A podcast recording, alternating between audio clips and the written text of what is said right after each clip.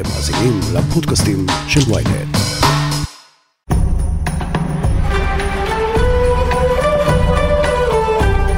מי הייתה הלוחמת הסינית האמיצה שהצילה את אביה ממלחמה ועצים כולה? האגדה מתחילה הרבה לפני שושלת דיסני המלכותית, ומגיעה עד תקופת השושלות הדרומיות והצפוניות בסין של המאה החמישית. סיפורים, בלדות ומחזות נכתבו על חואה מולן. כולם רצו להכיר את האישה האמיצה שעשתה את מה שאף אישה לא העזה לעשות לפניה. היום גם אתם תכירו.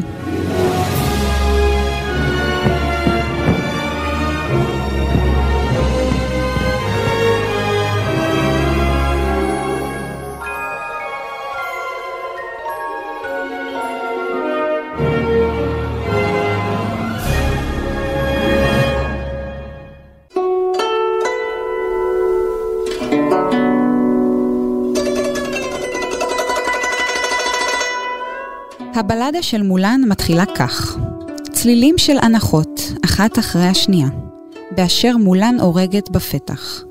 אין צליל של נו להריגה, רק של ילדה מקוננת. תשאל אותה מה היא חושבת. תשאל אותה למי היא משתוקקת. אני מורידה את גלימת הקרב שלי ולובשת את בגדיי הישנים. אני מסרקת את שערי הדליל על עדן החלון, ומתאפרת מול המראה. אצא החוצה כדי לראות את חבריי לנשק. הם כולם הופתעו ונדהמו. נסענו ביחד עשר שנים, ועדיין לא הבנו שמולן הייתה אישה.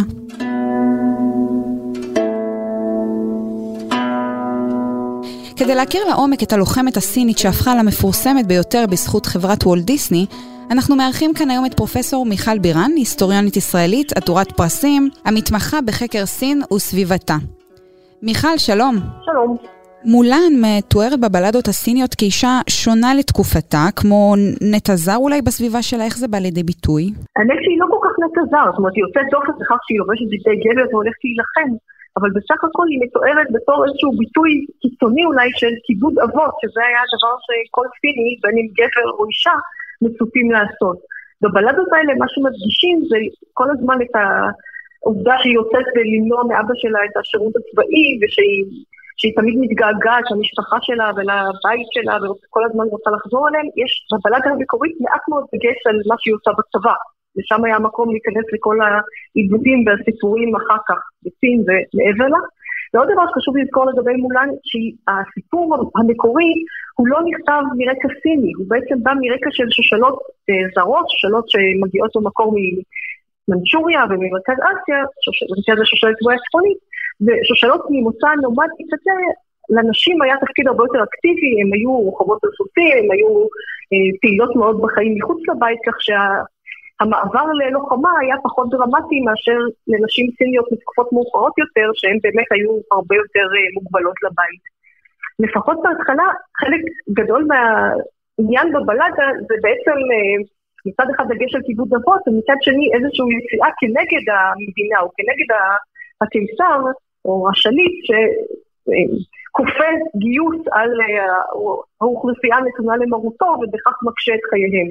בעצם הקישור של מולן כאיזושהי פטריוטית שיוצאת להגן על המדינה זה משהו מאוחר יחסית שמתחיל במאה ה-20. אז זה קצת מורכב בקיצור. הבנתי.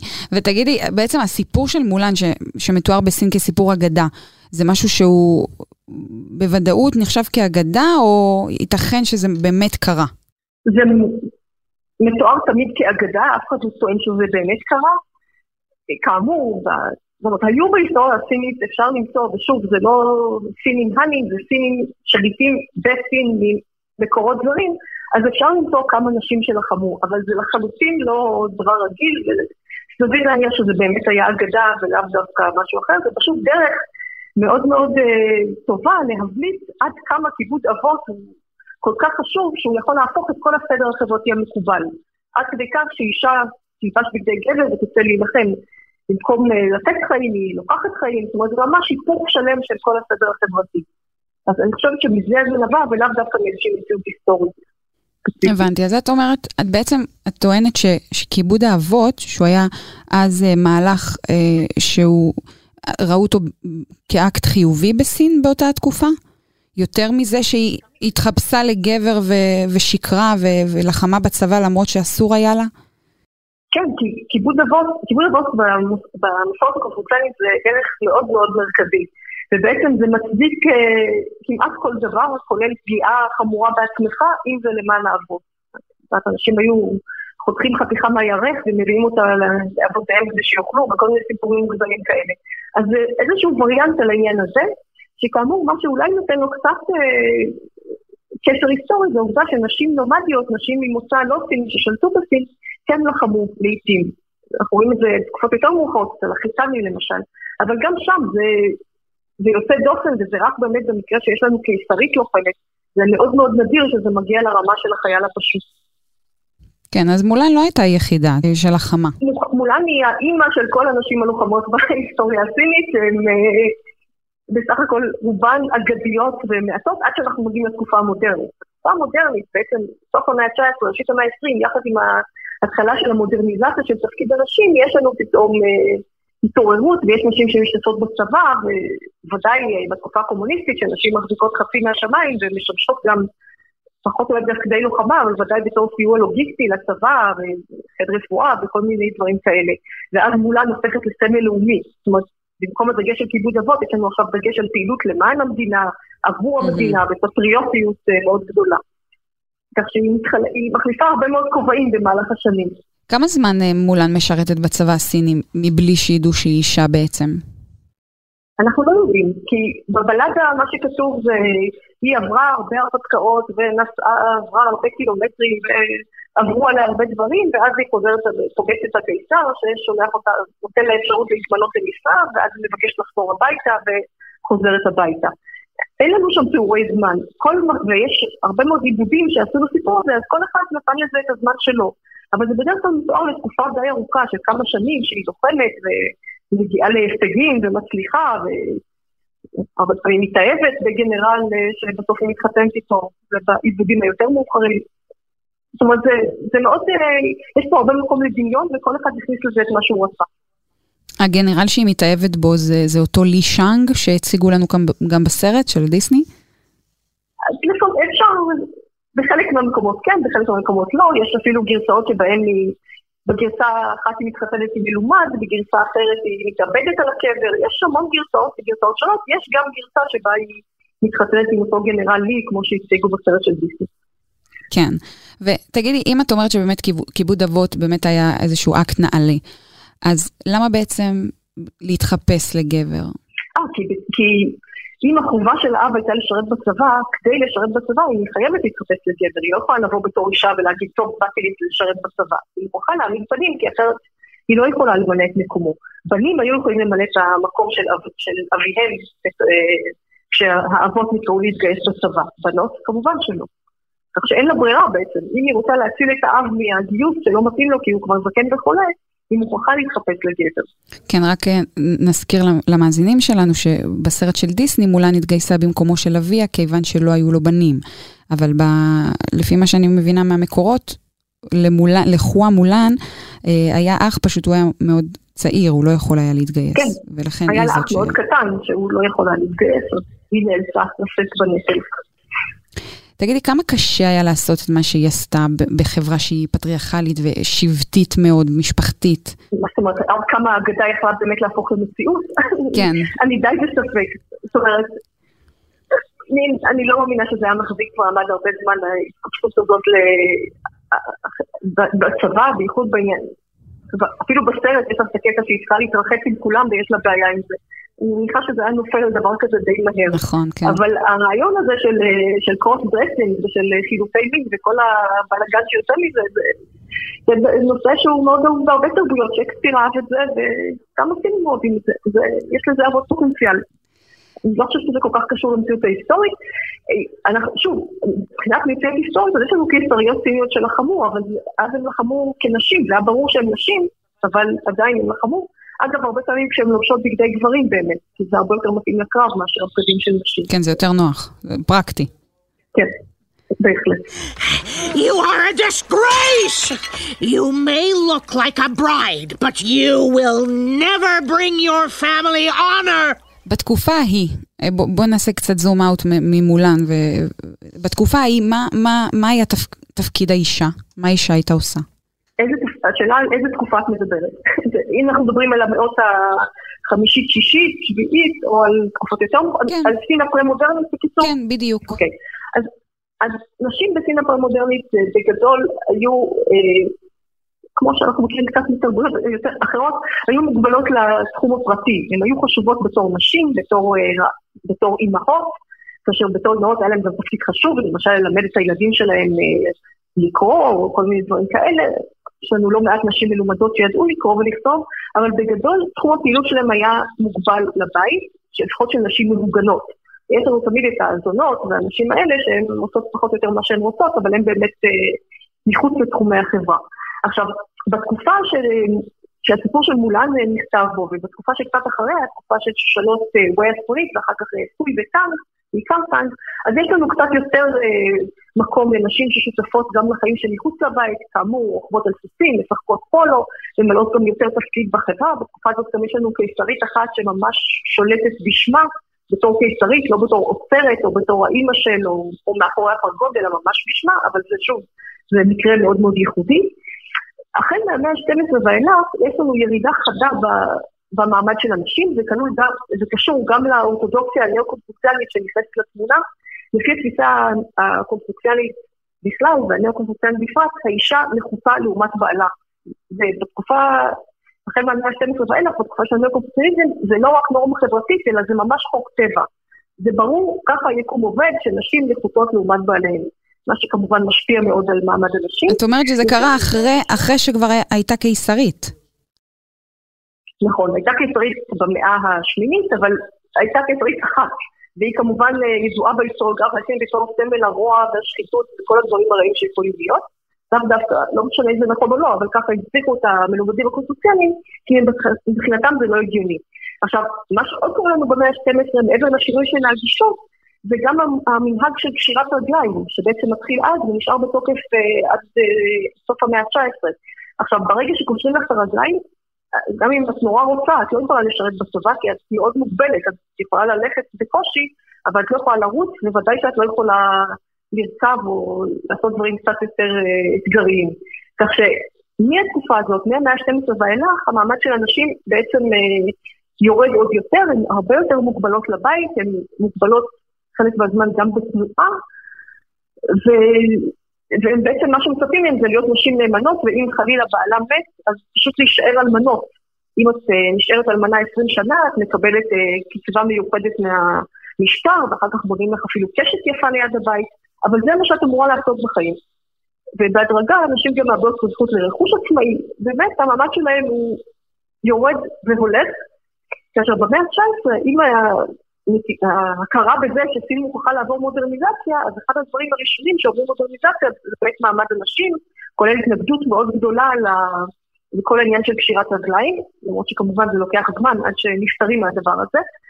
אה, ואז יש שינוי מאוד דרמטי שמלווה את סין לאורך המאה ה-20 ומתעצם מאוד תחת המדינה הקומוניסטית שמנסה לדבר על שוויון, לפחות שוויון בחובות, לא בזכויות אה, לנשים. ואז כל הסיפור הזה משתנה מאוד. אבל בסין הקיסרית זה לא מקום טוב להיות בו אישה, זה בטוח. אני רוצה לקחת אותך לכמה מה... אמ, כמה ציטוטים מהסרט. תגידי לי אם זה, אם זה הולם את התקופה ההיא. למשל, יש איזה קטע בסרט שאומרים, אם הצבא יגלה שאת נערה, העונש הוא מוות.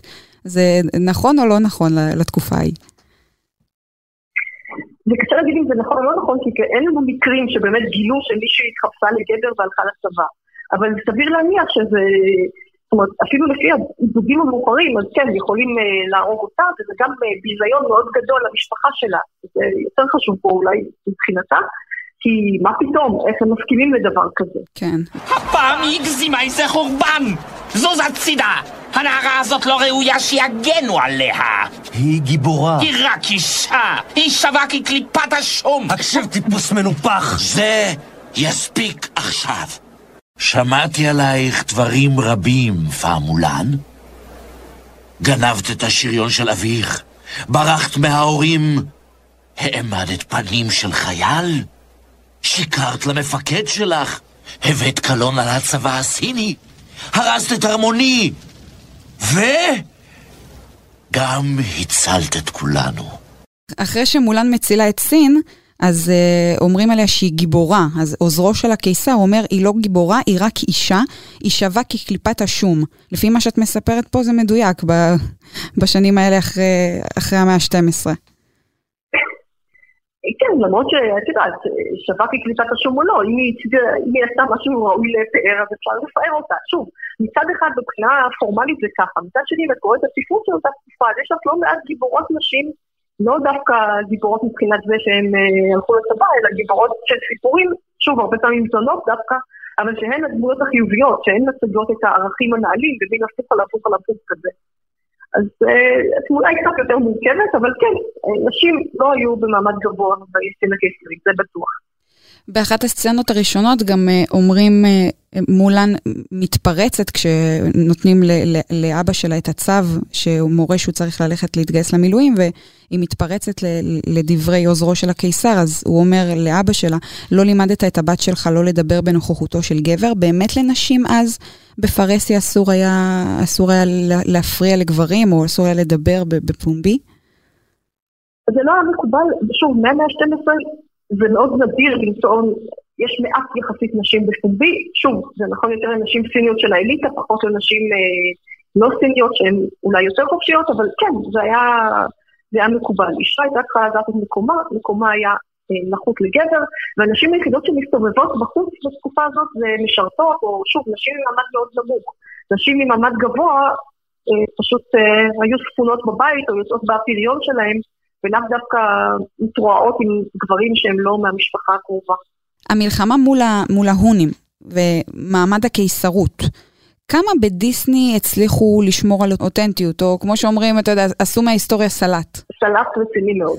זאת אומרת, אה, קודם כל, מולן, ההונים עברו מן העולם בתקופה של מולן, כבר הם לא רלוונטיים. ודווקא בסרט החדש זה באמת הרואן רואן, זה האויבים, וזה כבר יותר מתאים לתקופה. Mm. אבל הדבר העיקרי הוא שהנומדים האלה, בין אם הונים ובין אם הרואן רואן, בדרך כלל הם לא ניסו לכבוש את העיר הקיסרית, שזה שם אה, לב העניין. בדרך כלל הם הסתפקו בפשיטות ולקחו מה שהם רוצים, בעיקר מאזורי הגבול, וחזרו אה, אל הערבה. הם לא התכוונו לכבוש את סין. זה המונגולים המציאו בתקופה יותר מאוחרת, אבל זה לא היה הדבר המרכזי ביחסים בין סין לערבה בתקופות האלה, בכלל לא. עכשיו, כל הסרט, יש שם אה, כל מיני דימויים של סין שלקוחים, כמו מין, אה, מין ישראל כזה, אז לקחו דימויים של סין מתקופות שונות, ממקומות שונים, בלי שום קשר למציאות היסטורית, ושמו אותם, כי זה מה שהמערב יודעים שזה סין, אז יאללה, בואו נכניס גם את זה ואת זה ואת זה. ממש, אה, הקשר למציאות הוא מקרי בהחלט. אבל בסדר, זה סיפור, זה לא אמור להיות אה, כן. סיפור היסטורי אותנטי. לא, המלחמה הייתה, וזה, אבל פשוט לא באותו, באותם זמנים. לא, הייתה מלחמה, היה, זאת אומרת, זה נכון שלסין היה עימות ארוך מאוד של אלפי שנים עם הנוודים שישבו אה, מצפון לה. אה, שוב, בעיקר בערבה הגדולה, נוודים, טורקים, מונגולים, הונים, יוגנו, זאת אומרת, כל מיני, רואן, כל מיני חבר'ה כאלה, עמים שהתחלפו שם. אבל רוב האיום היה של התנהל בצורה אחרת.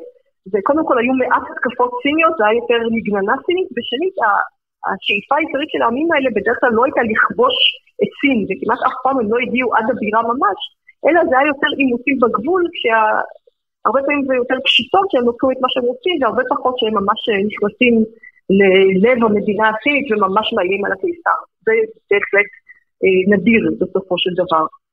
אבל שוב, זה לא אמור להיות אה, אחד לאחד, זה בטוח. אה, דיברנו על זה קצת מקודם, שיש מקורות היסטוריים ש, שמוסרים אה, אה, סופים שונים למולן. יש סוף טרגי ולא ניצחון מפואר, סוף שהיא נופלת אה, בשבי ומגלה שהמשפחה שלה התפרקה, ואפילו יש סוף ש, שאומר שהיא מתאבדת. בקיצור, שונה לגמרי מהסוף, כן. מהסוף ש, שדיסני נתנו לה. אבל יש להניח מהימנות מסוימת לגרסה מסוימת, או שאנחנו באמת, אין לנו מושג?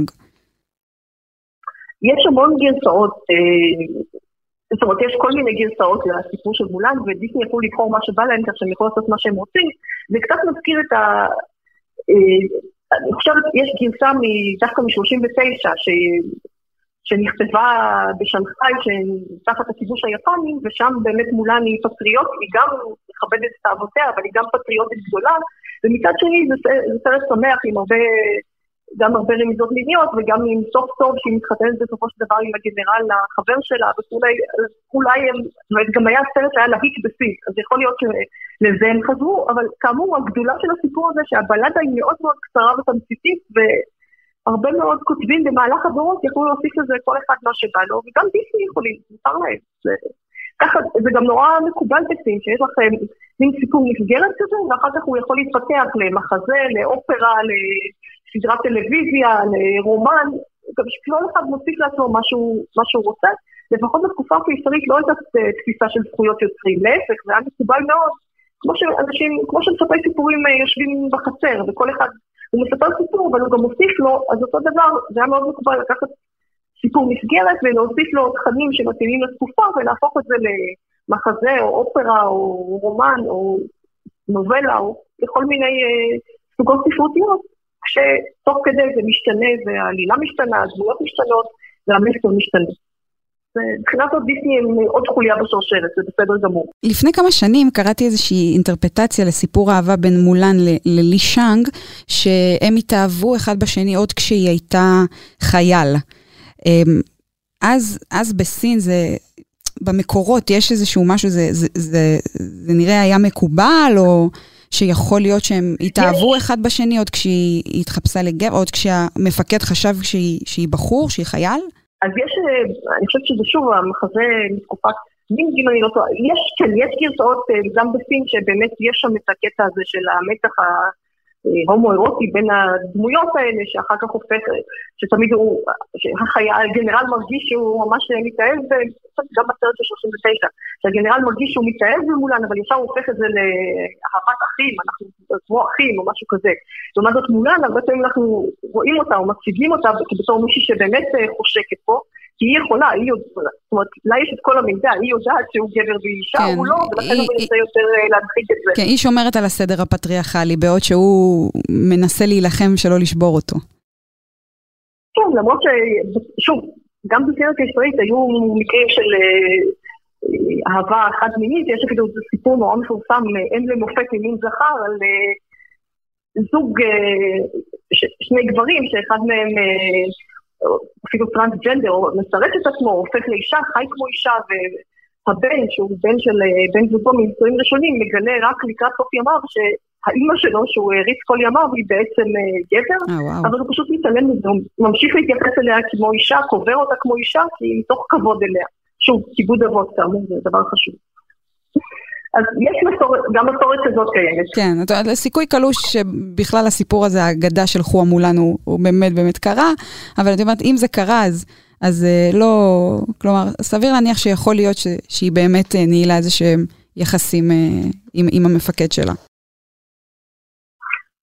יכול להיות, אבל זה לא נראה לי רלוונטי, זאת אומרת, מה שמשנה פה זה גם אם זה לא אם זה קרה או לא קרה, מה שמשנה שיש סיפור שהסיפור הצליח למצוא חן בעיני אנשים לאורך הדורות, מהמאה השישית ועד לדיסני, ובדיוק בזכות הגמישות שלו, שכל אחד יכול להכניס לו את מה שהוא רוצה ולקחת אותו לכיוון שלו.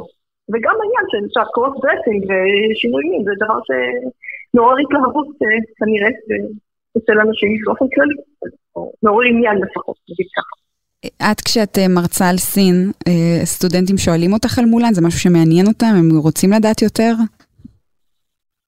כן, הרבה פעמים, הרבה פעמים שואלים אותי, למשל, שואלים אותי על פרטים מסוימים מהסרט, אם הם נכונים, גם כל הניסיון להציג את המורכבות של האימוץ אה, בין סין למרכז אסיה, מולן מאוד משפיע על זה, כי דבר ראשון שאנשים אומרים, אה כן, אמרו לי, הם רצו לכבוש את סין. עכשיו, זה לא נכון, אבל איך תסביר להם? יש בוולט דיסני, יש מולן, זה מה שהם יודעים, אז אה, צריך להיאבק בעניין הזה. את אומרת דווקא דיסני מביאה את, אה, את הידע של הסטודנטים, כלומר, היא פוגעת בידע שלהם. לא, היא גורמת להם להתעניין, זה מה שחשוב. אחר כך את יכולה לשנות את הידע לכיוון האמיתי, אבל לפחות זה מעורר עניין. מבחינת זאת זה מבורך. צריך רק קצת אה, להסביר מה ההבדל בין סרט לבין המציאות ההיסטורית. אבל לפחות יש עניין, זה חשוב. נכון, זה לא פחות חשוב. אמ, פרופסור מיכל בירן, אני ממש ממש מודה לך ששוחחת אה, איתי. לי היה סופר מעניין, אני מקווה ש... שגם את נהנית. כן, היה כיף, תודה רבה. תודה רבה לך. זה היה אבק פיות להפעם, אני הייתי משי היד, תודה רבה שהאזנתם לנו. את הפרק הזה הפיק ערן רחמני וערך שחר ברקת, פרקים נוספים תוכלו למצוא בשלל האפליקציות. נשתמע בפרק הבא.